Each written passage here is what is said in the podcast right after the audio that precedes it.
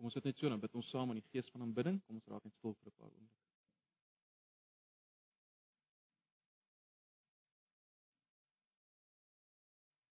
Ag Here, hoe wonderlik is dit om maar net U lof te besing, U grootheid.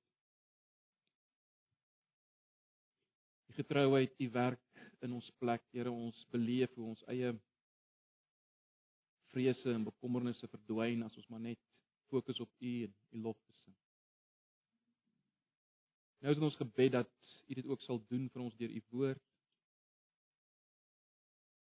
Sien elkeen van ons vanoggend wat hier is, ook elkeen wat nie hier is nie as gevolg van omstandighede, moeilikhede, siekte, een of ander krisis. Ons wil ook vra dat U by hulle sal wees in hierdie oggend en ook met hulle sal praat. Kom, Here. Praat met ons, kom werk met ons deur die woord en die werking van U Gees. Alleenlik op grond van die feit dat ons aan U behoort, U liggaam is vir wie u u bloed gestort het. Asseblief. Ons vra dit in Jesus se naam. Amen.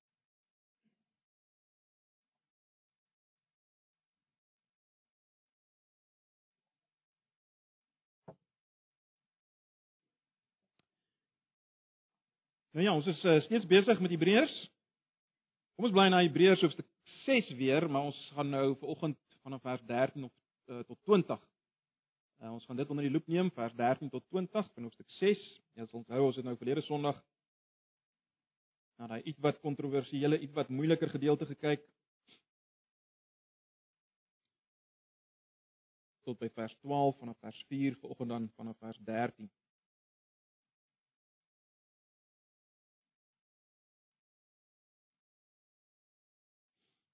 Lees die 83 vertaling. Toe God aan Abraham die belofte gemaak het, het hy niemand groter as homself gehad by wie hy dit met 'n eed kon bevestig nie. As jy die 53 vertaling het, sal jy sien die woord sweer word gebruik, ek sal net weer daarna verwys. Daarom het hy dit met 'n eed by homself bevestig of besweer en gesê: Ek sal jou beslis ryklik seën en jou 'n baie groot nageslag gee. En so het Abraham dan nadat hy geduldig gewag het gekry wat aan hom beloof is. Mense lê 'n eed af by iemand groter as hulle self. Vir hulle is dit die bevestiging van 'n saak en dit sluit alle teespraak uit. En omdat God aan die erfgename van die belofte bo alle twyfel wou verseker dat sy besluit onveranderlik is, het hy dit met 'n eed gewaarborg. Die twee onveranderlike dinge, die belofte en die eed, waarborg dat God sy woord gestand sal doen en is vir ons uh, ekskuus en is vir ons wat ons toevlug tot hom geneem het, 'n kragtige aansporing om vas te hou aan die hoop wat vir ons weggelê is.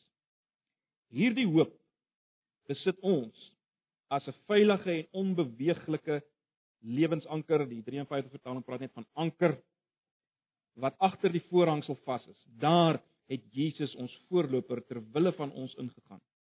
En hy is vir ewig hoëpriester volgens die orde van Melchisedek.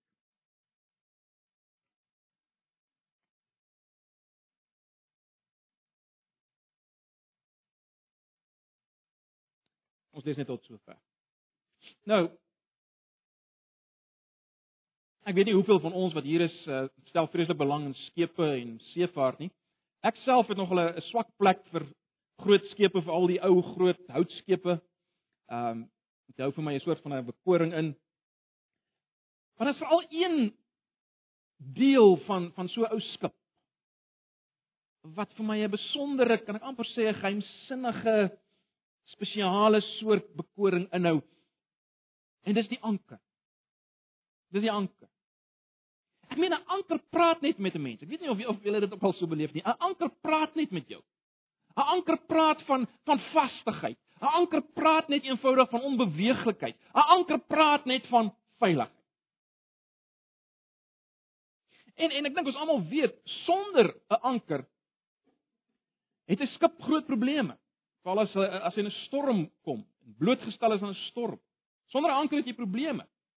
Dan het jy ook die moontlikheid dat jy net eenvoudig kan stadig wegdryf van die rigting wat jy ingeslaan het as jy sonder 'n anker uh, op een of ander manier tot stilstand gekom het met so 'n skip. Uh, kan jy stadig eenvoudig net wegbeweeg as jy nie 'n anker het.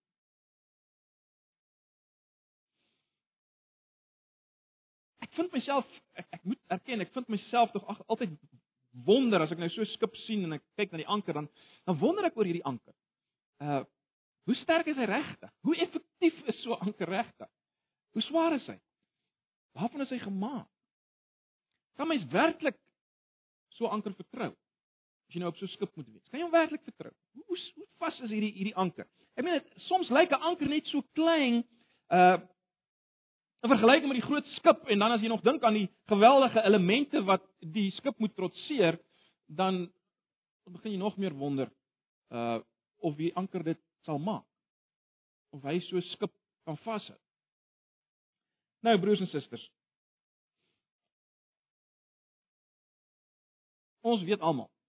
En ek dink ons is almal bewus daarvan dat ons, kom ons noem dit ons lewensboot, as jy wil, jou Christelike lewensboot word dikwels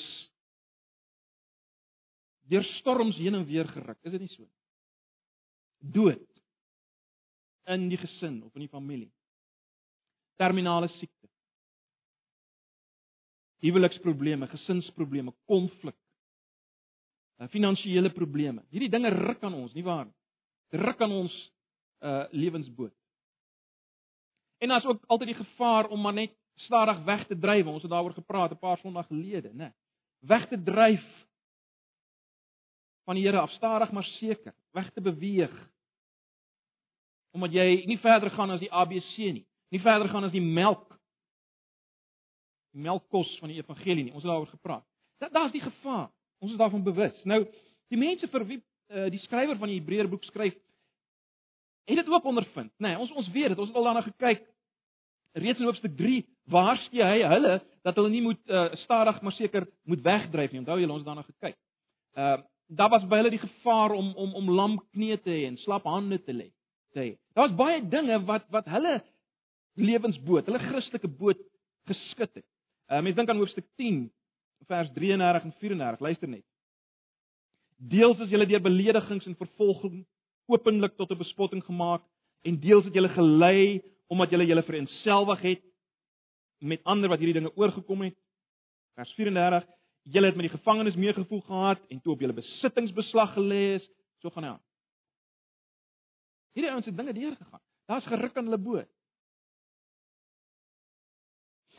En broers en susters, hulle en ons sit waarskynlik met 'n vraag wat wat ons nie baie miskien uitspreek nie. En die vraag is sal ons geanker bly? Het ons 'n anker wat vas en seker genoeg is? Gaan ek dit maak? Gaan ek nie uitsak nie? Gaan ek op my plek bly in die Christelike lewe? Gaan ek die heerlikheid wat beloof is, sal ek dit verkry? Al die wonderlike dinge waarvan die boek Openbaring praat, gaan ek dit verkry? Is ek nie te treurig nie? Almal sit waarskynlik elke nou en dan met met met hierdie vrae. Ons worstel hiermee in een of ander vorm. Nou, kom ons staan nader aan die gedeelte wat ons gelees het in Hebreërs. Ek wil eers sê ons moet kyk na die anker waarvan sprake is in Hebreërs 6 vers 19. Daar's 'n anker in Hebreërs 6 vers 19. Miskien moet ons net vinnig dink aan die aan wat ons gesien het nou die afgelope paar sonde. Onthou julle Die skrywer het daar in hoofstuk 6 vers 1 tot 3 begin waarsku. Uh hy het vir ons gesê moenie stil staan by die eerste dinge nie. Bekering, geloof, doop, die verwagting van die oordeel en die, en die opstanding, daai dinge. Moenie net daarby stil staan nie, gaan verder. Gaan verder. Hy het geweet daar sommige ouens wat wat wat 'n probleem het om verder te gaan. Hulle wil nie dieper ingaan in in die geheimenisse van veral dan nou Jesus en sy hoofpriesterskap, want hy verwys dit in hoofstuk 5 vers 10. En hy waarsku, moenie stil staan nie, nee. En dan gaan hy so ver om om, om te praat oor oor afvalligheid. Jy sien as jy stil staan op een plek is daar die gevaar, mag dalk net 'n aanduiding wees dat jy begin afvallig word van Christus. Dis 'n realiteit. Jy kan al die dinge beleef het, al die Christelike dinge beleef het. Maar as jy vashou aan Jesus, daar die gevaar van afvalligheid. Totale afval. En geen hoop op bekering. As jy as jy jou rug draai op op Christus. Ons het daaroor gepraat. Maar die skrywer, al het hy so gepraat en so ernstig gewaarsku het gekom en jy sal onthou daar in in in in die laaste verse vers 10 tot 12, bemoedig hy hulle nou sê en hy sê vir hulle ek weet al praat ek in hierdie trant van julle is ek van beter dinge uh, oortuig want want in julle lewe kom voor die basiese Christelike vrug naamlik liefde en omgee, opofferende liefde vir mekaar. Dis die teken dat jy in Jesus is, uh dat jy hom liefhet want want daar's liefde onder mekaar. Maar sê hy vir hulle, volhard hierin. Volhard hierin. Gaan vooraan. Moenie slap lê nie. Al is ek seker van julle van beter dinge. Al is ek seker dat julle verlos gaan word, dis in sover hy gaan. Uh moenie slap lê. Dis min of meer wat ons gesien het tot nou toe in die, in die laaste paar sondae. Nou kom hy En hy wil as te ware vir hulle inlig, as ek dit so kan stel of net weer onder hulle aandag bring, 'n anker sodat hulle kan volhard. Hy wil met iets met oor iets met hulle praat wat hulle gaan help om te volhard tot die einde toe. En dis wat ons kry in vers 19. Kyk net na Hebreërs 6 vers 19 weer. Hierdie hoop besit ons as 'n veilige en onbeweeglike anker of dan lewensanker soos die 83 vertaling vertaal wat agter die voorhang sal vas is. Hy praat hier van 'n anker. Kom ons kyk 'n bietjie hierna. Kom ons kyk net eerstens waar lê hierdie anker? Waar lê hierdie anker? Hierdie anker lê nie in die see nie. Maar waar dit sê hierdie anker lê nie eers op hierdie aarde in die geskape werklikheid. Het hulle het julle dit raak gesien? Kom kom ons kyk bietjie daarna. Julle julle sou gesien het die skrywer praat van die van die voorhangsel, die feit dat hierdie anker agter die voorhangsel is. Nou, in hoofstuk 7 gaan hy baie praat oor die oor die hoëpriester spesifiek Jesus as hoëpriester. Uh hierdie hele saak van van Jesus se hoëpriesterskap weet ons dat hy al begin aanhaal in, in hoofstuk 2 vers 17 Aan die einde van hoofstuk 4 praat hy weer daarvan. Dan gaan hy aan in hoofstuk 5 en raak weer daaraan. En jy sien as jy praat van die hoofpriester, die oomblik as jy praat van die hoofpriester, wel dan dan dan onmiddellik uh moet jy as te ware dink aan die aan die allerheiligste waar die hoofpriester eenmal 'n jaar ingegaan het. Jy sal weet in die Ou Testament die hoofpriester het eenmal 'n jaar in die allerheiligste ingegaan om verzoening te doen vir die hele volk se sondes. Nou, die allerheiligste was natuurlik die plek waar God by wyse van spreuke gekies het om te bly in die midde van sy mense. Hier in die allerheiligste. Maar daar was 'n 'n gordyn voor die allerheiligste. 'n Voorhangsel. Nee. Wat hierdie allerheiligste geskei het van die res.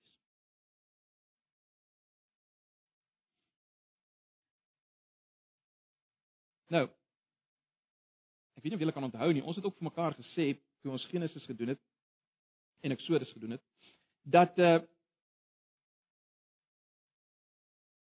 die hele tabernakel wat nou later die tempel geword het, was eintlik in mikrovorme afbeelding van van dit wat was by die tuin in die tuin van Eden, God se teenwoordigheid? Nee, al die goed wat hy gekry het daar in die tabernakel het eintlik herinner aan Eden.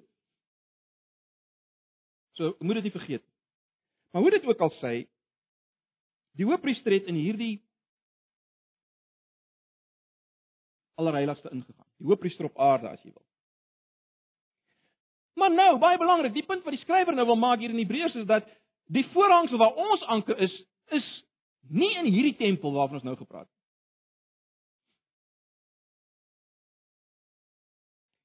Die die anker waarvan hy praat, lê nie daar nie. Hy's nie daar geanker nie. Kyk net na vers 20. In vers 20 sien ons sien ons hy hy praat van die voorhangsel as die een waardeur Jesus gegaan het. sien julle dit? Hy praat van die voorhangsel as die die voorhangsel waardeur Jesus gegaan het in vers 20. Nou deur watter voorhangsel het hy gegaan? Miskien moet julle net vinnig terugkyk na hoofstuk 4. Dan sien ons in vers 14 waardeur het Jesus gegaan? Nee, 4 vers 14. En daar's dit baie eksplisiet, is dit nie? In 4 vers 14. Terwyl ons dan nou 'n groot hoofpriester het wat reeds deur die hemele gegaan het. Alraai, so as ons die twee bymekaar sit, dan is dit baie duidelik. Die voorhangsel waar Jesus deur gegaan het, hy deur die hemele gegaan. Hy deur die hemelse voorhangsel gegaan na die allerheiligste in die hemel. Nou, uh, ons sal nog daarby kom, maar as jy net miskien vooruit kan blaai bietjie na net aan Hebreërs Hebreërs 8 vers 5. Daar's 'n interessante vers. Hebreërs 8 vers 5.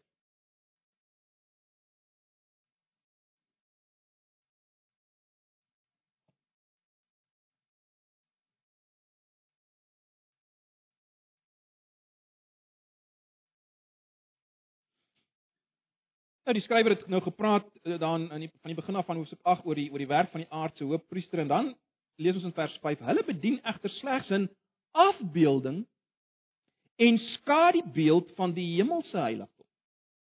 Toe Moses die goddelike opdrag gekry het om die verbondstent op te rig, het God gesê: "Sorg dat jy alles maak volgens die voorbeeld wat ek jou op die berg gewys het." So dit lyk vir my wat ons hier kry is die feit dat daar is 'n daar is 'n hemelse heiligdom en allerheiligste. En dit wat Moses gesien het, wat God vir hom gewys het, was dit. En die aardsteen wat hy gemaak het, was net 'n afbeeling daarvan. Maar ons sal kom by Hebreërs 8. Die punt wat ons nou moet vat net vanoggend is dit. Dis waar ons anker is. In hierdie hemelse allerheiligste. Dis waar ons anker is.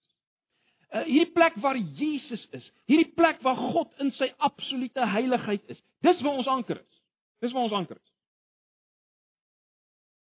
En dit bring ons nou by 'n tweede vraag, wat is ons anker? Dis natuurlik 'n baie belangrike vraag. Wat is ons anker nou presies? Ons weet nou waar hy is. Maar ons moet daarom weet wat is dit? Waarvan as jy wil is ons anker gemaak want jy sien dit bepaal natuurlik hoeveel vertroue ons in hierdie anker het vir moeilike tye as ons weet waarvan is hierdie anker gemaak. Wel, die skrywer maak dit baie duidelik, is dit nie? Hy sê hierdie anker is hoop. Sien julle dit in vers 19?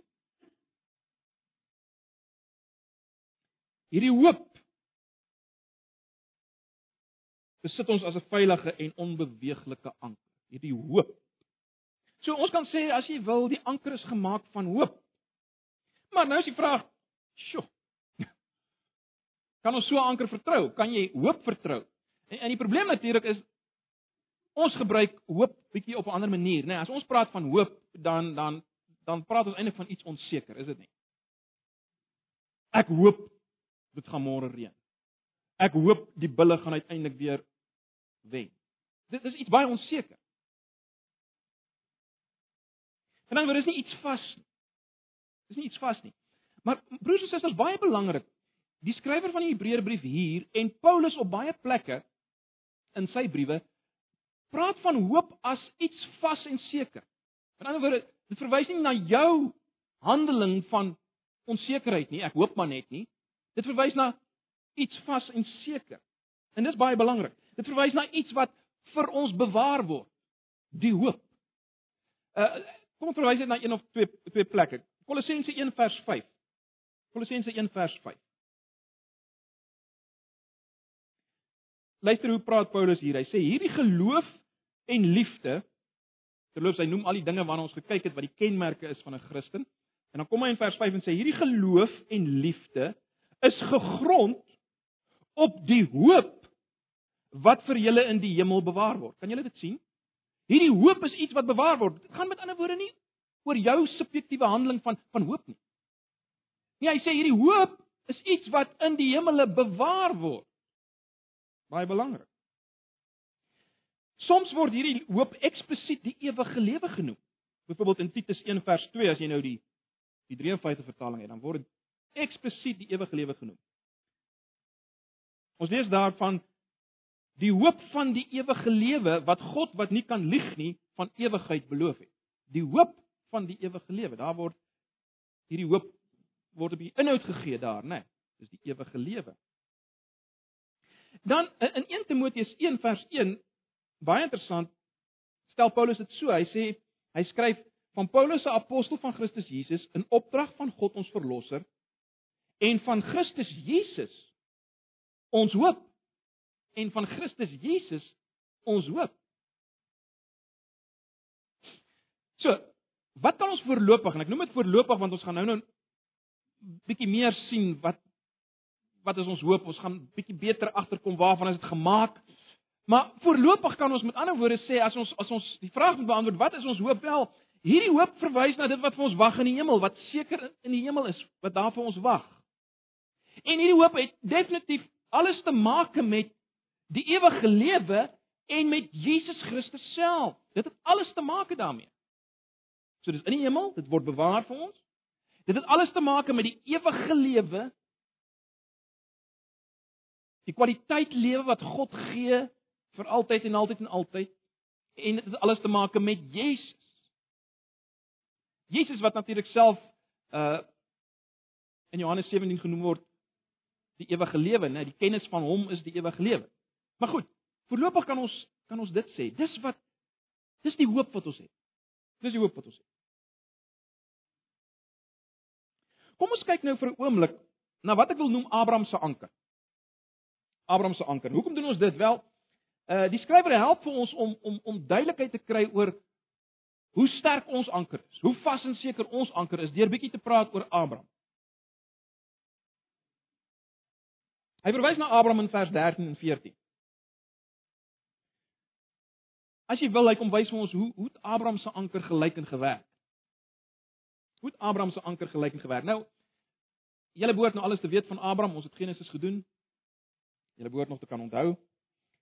Die skrywer kom nou hier in in Hebreërs 6 en hy lê klem op die feit dat God het aan Abraham 'n belofte gemaak. En God het ook nog gekom en hy het hierdie belofte met 'n eed gewaarborg of gesweer. Dis hoe die 53 vertaling dit uh Dis die woord wat die 53 vertaling uh, gebruik en dit is nogal nogal belangrik om dit raak te sien. So met ander woorde, God het by homself gesweer nadat hy die belofte gemaak het, uh het hy by homself gesweer dat hy hierdie belofte sal waarmaak. So hy het eers die belofte gemaak en toe sweer hy by homself dat hy die belofte sal waarmaak. Uh, die presiese gedeelte waarna die Hebreërs skrywer hier verwys as hy praat van God het dit met 'n eed gewaarborg of gesweer die belofte wel, hy verwys spesifiek na Dit wat op Moria gebeur het, daar in Genesis 22 vers 16. Nee, toe Isak daar vasgebind gelê het op Moria en Abraham reg was om hom te tref met die slagtersmes. In daai oomblik het God gekom en hy het hierdie woorde gesê: Ek sweer by myself ek sal vir jou groot nageslag gee en so mee. So, wat ons hier sien is nadat God aan Abraham baie jare gelede beloof het hy gaan 'n groot nageslag hê, bevestig hy dit hier met 'n eed. Hy sweer. Nou blykbaar wat hy gebruik in daai tyd en en ook nog in die tyd toe die Hebreërs skrywer geskryf het, was dat as jy uh as jy wil gewig gee aan aan aan dit wat jy beloof aan iemand dan dan sweer jy by 'n hoër gesag. En en waarskynlik is die implikasie dat as jy nou nie gaan doen dit wat jy beloof het of gesweer het nie wel daai hoër gesag by wie jy gesweer het kan jou dan in die moeilikheid laat laat kom. Ek meen hy kan hy kan jou daarop daarop aanvat. Dis die gedagte wat hier agter hierdie gedeelte lê. Wat is die punt wat die skrywer maak? Wel, die punt wat hy maak is dit: God as hy iets wil vas en seker maak, Daar's niemand hoër as hy self by wie hy kan sweer nie. So hy sweer by homself, want hy is die hoogste, absolute hoogste gesag. Daar's geen hoër gesag as God. So hy het hom by homself gesweer. Nee, dis hele punt. Ag, broers en susters, dink eens weer vir 'n oomblik wat God vir Abraham beloof het. Hier lê die skrywer natuurlik klem op die feit dat God hom beloof het om hom ryklik te seën en vir hom 'n groot nageslag te gee. Met ander woorde, God beloof hom om in sy geval die die die hele vloek van die sondeval om te keer, hom te seën en hy gaan vir hom 'n groot nageslag gee wat natuurlik weer 'n bewys is dat uh hy die vloek van die sondeval gaan omkeer en dat hy nog bly by wat hy beloof het in Genesis, hy wil die aarde vol hê van sy mense en so meer. Dis wat God beloof. Maar maar baie belangrik, wat ons nie moet vergeet nie, dis belangrik binne hierdie konteks. Julle sal onthou toe ons Genesis gedoen het, sal julle onthou hoe lank Abraham gewag het. vir die nageslag. Ons moet dit nie vergeet nie. Dis dis waarop die skrywer wil uh sin speel, né? Nee, nee, dis wat hy wil ons moet raak sien. Ek meen God het hierdie belofte aan Abraham gemaak, maar daar was net niks. Vir jare en jare en jare was daar net niks. Op 99 word Isak gebore. Toe hy 99 jaar oud was.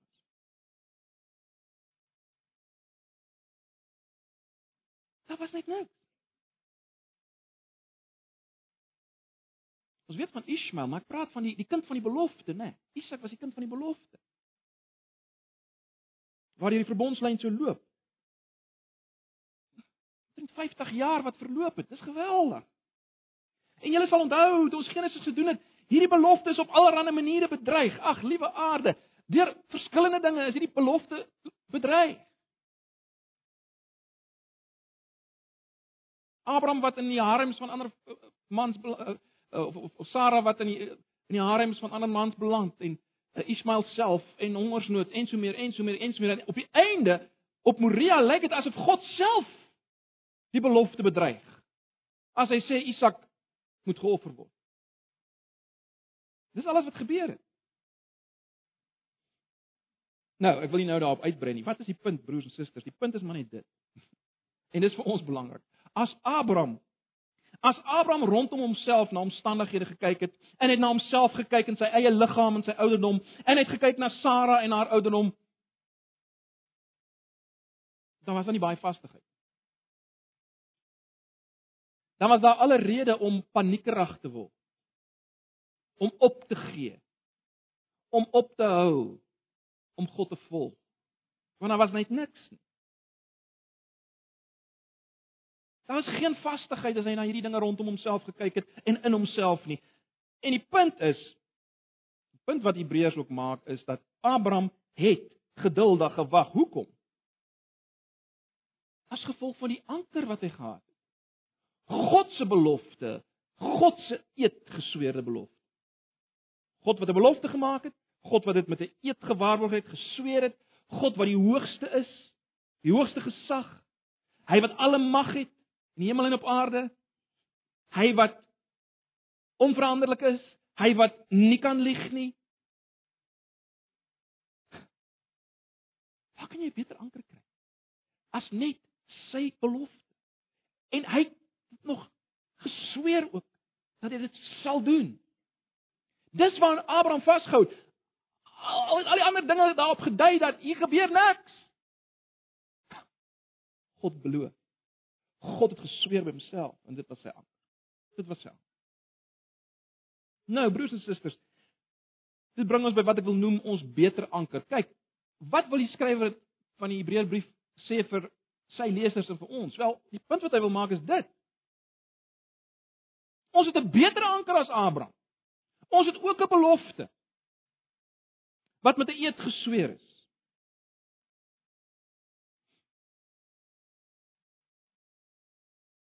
Nou. Om die die volle betekenis daarvan raak te sien, moet ons nou in gedagte hou dit wat ek gesê het net net hoe ek gesê het let op die woordjie sweer wat ehm um, wat die skrywer gebruik as hy verwys na wat God aan Abraham gesê het. Hy het gesweer by homself op hy het met eed bevestig dat ehm um, hy Abraham sal ryklik seën en 'n groot nageslag sal gee. Nou, dis nie toevallig dat die skrywer daai woordjie hier inbring as hy verwys na wat God aan Abraham gesê het en spesifiek dan in, in die oorspronklik die woordjie sweer nie. Julle sal weet dat die skrywer werk sterk met die Ou Testament. En baie belangrik, uh sy lesers was natuurlik bekend met die Ou Testament. En as hy daarom hierdie woordjie sweer gebruik dat God by homself gesweer het, dan wil hy hê sy lesers moet aan iets anders dink. En ek wil dit waag om te sê en ek gaan dit probeer bewys dat hy wil hê sy lesers moet dink aan Psalm 110 vers 4. Hy wil hê sy lesers moet dink aan Psalm 110 vers 4. Kyk net gou na Psalm 110 vers 4. Kyk gou na Psalm 110 vers 4.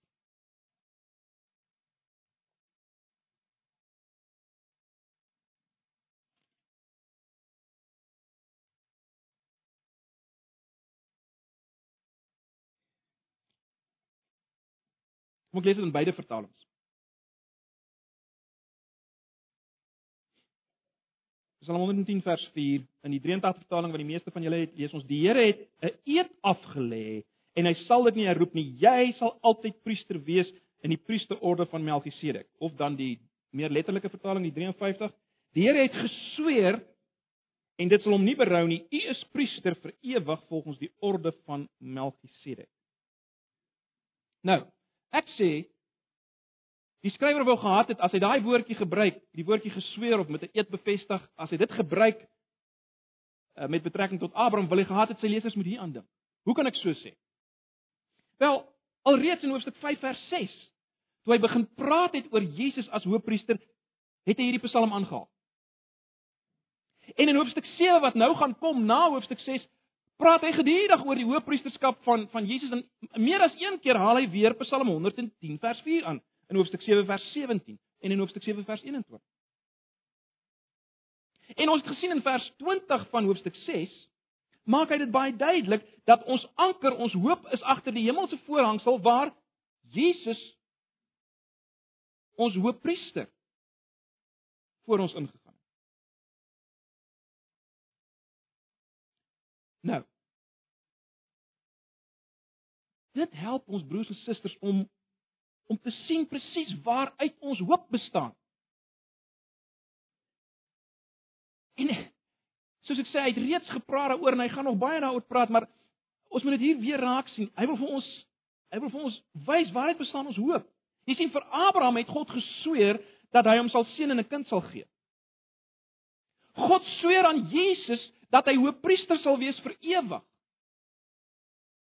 Maar jy sien, dit is ons anker. Die feit dat God vir Jesus gesweer het dat hy hoëpriester sal wees vir ewig, dis ons anker, want vers 20 maak dit baie duidelik. Daar het Jesus ons voorloper ter wille van ons ingegaan. Jy sien, hy was ons voorloper. Hy's die eerste een wat daar ingaan. Betekende ons sal ook daar ingaan. En hy sê eksplisiet hy het dit vir ons gedoen. Hy het dit vir ons gedoen in vers 20. So nou kan ons duideliker sien wat is ons wat is ons anker? Of as jy wil, wat is ons hoop? Wat ons anker is? Nee, ons het daarin gevat, vat net nou. Nou kan ons nou kan ons sien wat dit regtig behels. Broers en susters, ons hoop.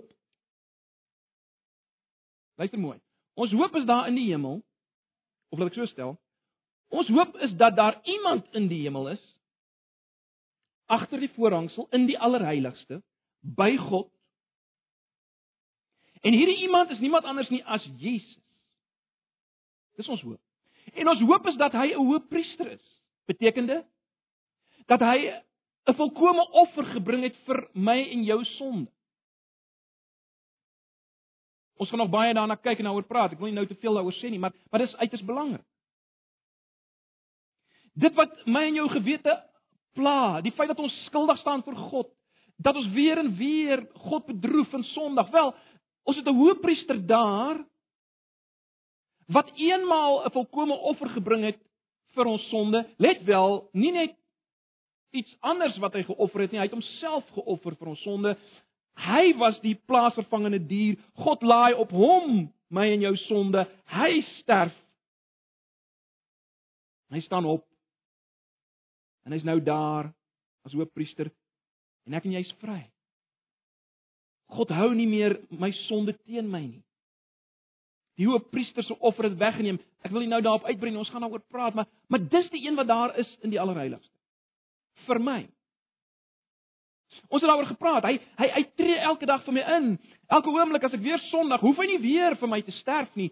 Uh, by wyse van spreuke wys hy vir God die fotos van die kruisiging wat hy gedoen het vir jou en my die lewe wat hy geleef het van volmaaktheid, die sterwe in my en jou plek.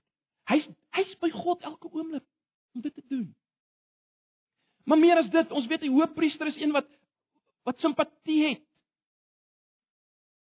met ons, met die mense. Want hy was een van hulle. En die skrywer in die Hebreërboek het het uit sy pad het gegaan om te, te wys alreeds dat Jesus was soos ons as mens, net sonder sonde. Maar hy is daar vir ons agter die voorhang. Hy het simpatie met my en jou, ons swakheid. En hy's ewig daar. Hy gaan vir altyd en altyd en altyd daar wees. vir ons. Broers en susters, hy's die versekering dat al die beloftes van God sal waar word. Soos Isak in 'n sekere sin die die bewys was dat God se beloftes van 'n groot nageslag gaan waar word, in 'n sekere sin selfs die beloftes van die land was gekoppel aan aan hom in 'n in 'n sin aan die groot nageslag. Wel, so is Jesus wat reeds daar agter die voorhangsel is, 'n versekering dat al die beloftes van God gaan waar word. Al die beloftes wat God maak vanaf Genesis tot Openbaring. In hom word hulle waar. En ons is daarin op op pad. Hy hy was ons voorloper, sê vers 20. Ons is op pad na 'n ewige lewe saam met hierdie hoëpriester Jesus wat ons ken en medelee het ons skuld gedra het. Ag, ons sal kyk na sy deurboorde hande en voete. Hy's daar vir ons. En vir ewig is ons op pad soontoe. Kan julle sien dis baie meer as as Abraham se anker.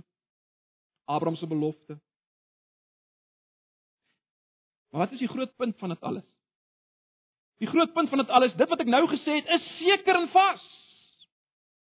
Al hierdie heerlikheid wat wag, al die vreugde, Al die afdroog van al die trane, al die huil. Ah, dis vas. Dis vas. Niks sal veroorsaak dat ons nie daar gaan uitkom nie. Dis 'n anker.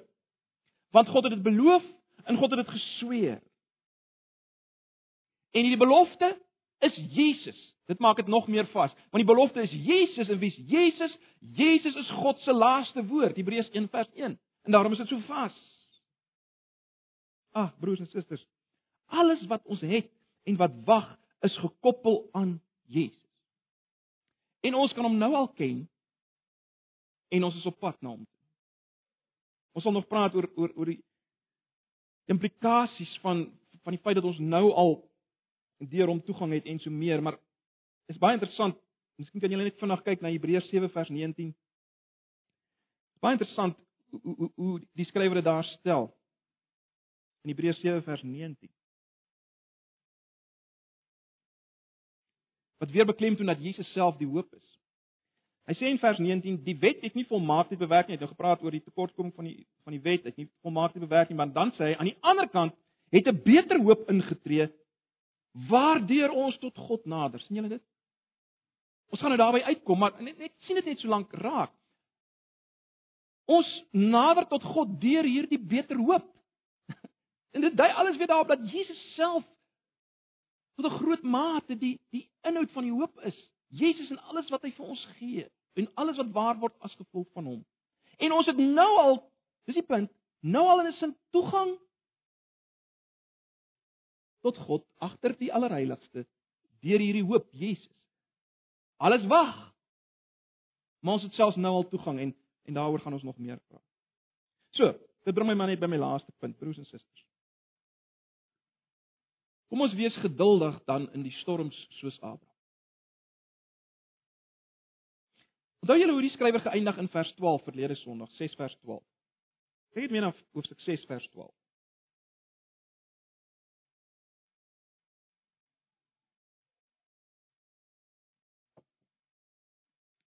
Dan nou dis nou nadat hy gewaarsku het, nadat hy bemoedig het en dan sê hy in vers 12 van hoofstuk Julle moet dus nie traag word nie, maar die voorbeeld navolg van die wat deur geloof en geduld deel gekry het aan die dinge wat God beloof het. En dan gaan hy oor na vers 13 en die gedeelte waarna ons vandag gekyk het.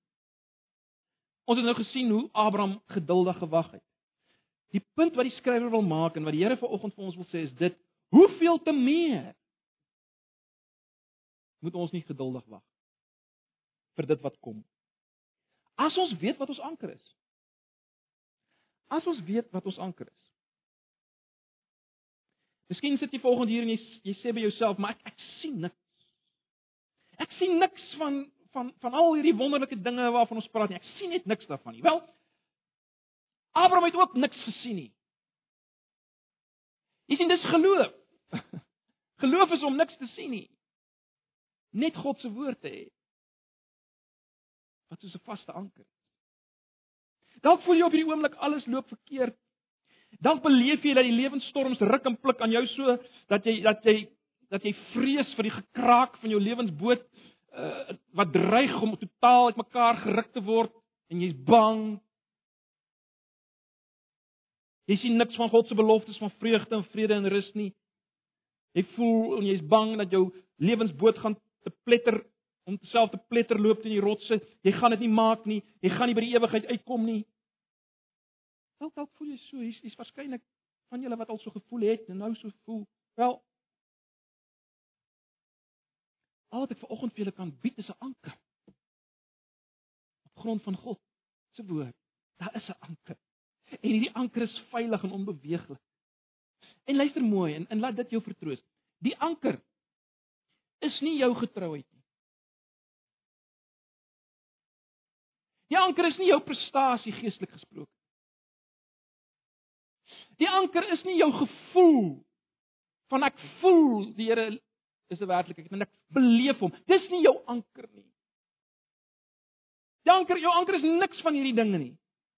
Dis nie jou vashou aan die Here, hoe goed jy vashou aan die Here nie. Nee nee, die anker broers en susters is nie geanker in enige van hierdie onsekere dinge van die aardse bestaan nie en dis hoekom ons klem daarop gelê het. Die anker is in die hemel.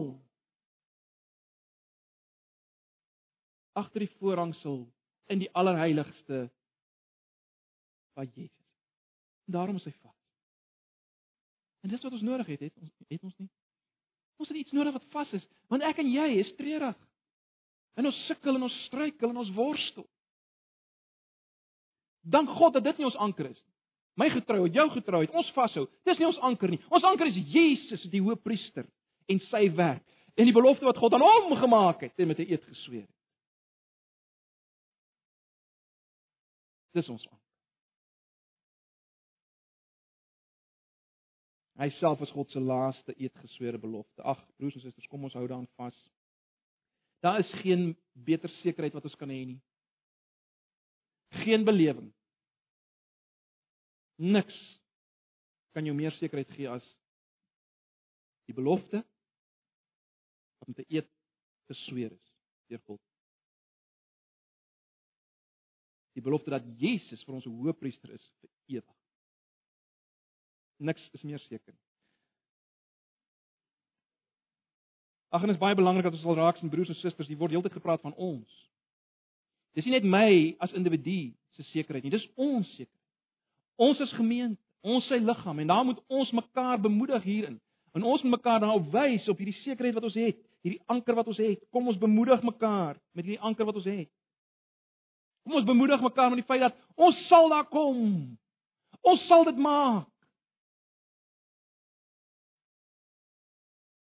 Omdat God dit met 'n eed gesweer het vir Jesus. En God sal nie sy woord, sy eetgesweerde belofte aan Jesus verbreek nie. En dis hoekom ek en jy dit sal maak. Nie omdat ons so oulik is nie, maar omdat God se woord en sy belofte nie kan verander aan Jesus nie.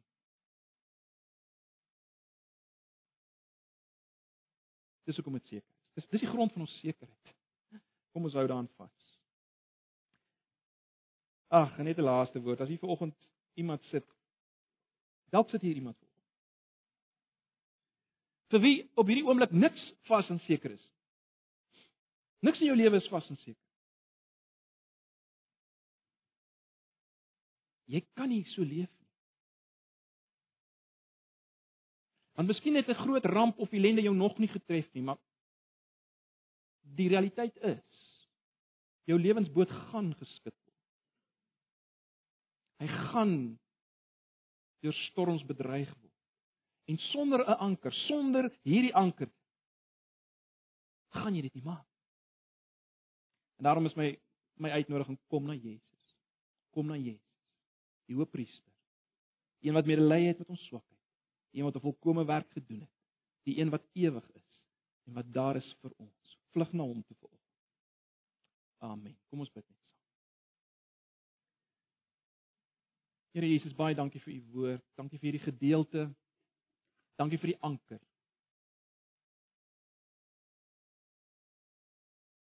Vergewe ons vergewe my. Dat ons dikwels